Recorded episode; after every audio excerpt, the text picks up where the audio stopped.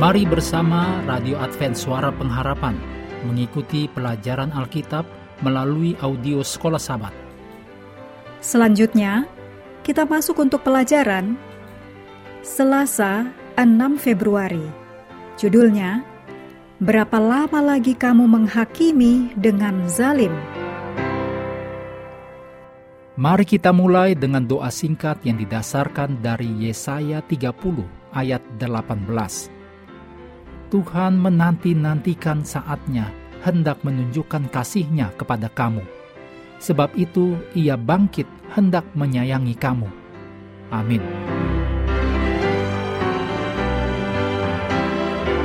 Tuhan telah memberi para pemimpin Israel wewenang untuk menegakkan keadilan di Israel. Mazmur 72 ayat 1 sampai 7, ayat 12 sampai 14 raja-raja Israel harus menjalankan otoritas mereka sesuai dengan kehendak Allah. Perhatian utama para pemimpin harus memastikan perdamaian dan keadilan di negeri ini dan merawat yang kurang beruntung secara sosial. Hanya dengan begitu, tanah dan seluruh rakyat akan makmur. Tahta raja diperkuat oleh kesetiaan kepada Tuhan, bukan karena kekuatan manusia.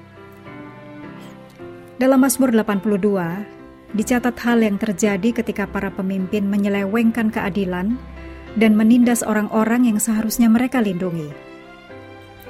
Allah menyatakan penghakimannya atas para hakim Israel yang korup.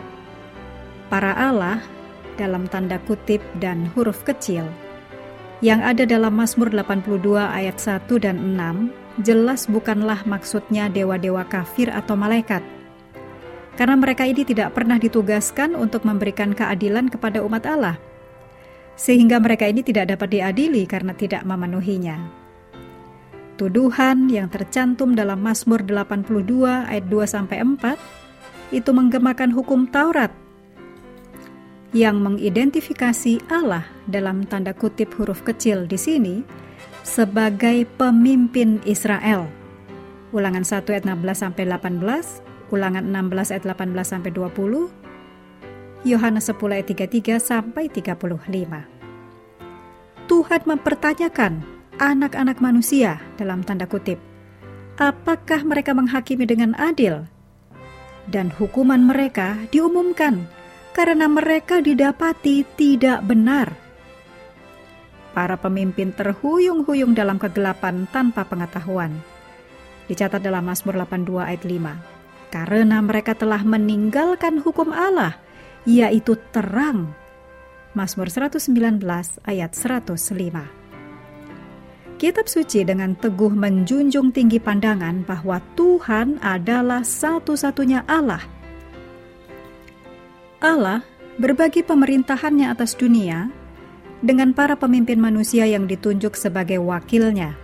Roma 13 ayat 1. Namun, Seringkali perwakilan manusia ini, baik dalam sejarah dan bahkan sekarang, memutarbalikkan tanggung jawab yang telah diberikan kepada mereka. Mazmur 82 dengan mengejek menyingkapkan kemurtatan beberapa pemimpin yang percaya diri sebagai Allah dalam tanda kutip di atas orang lain.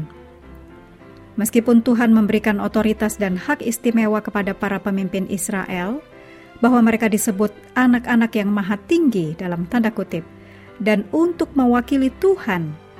Namun Tuhan menolak para pemimpin yang jahat.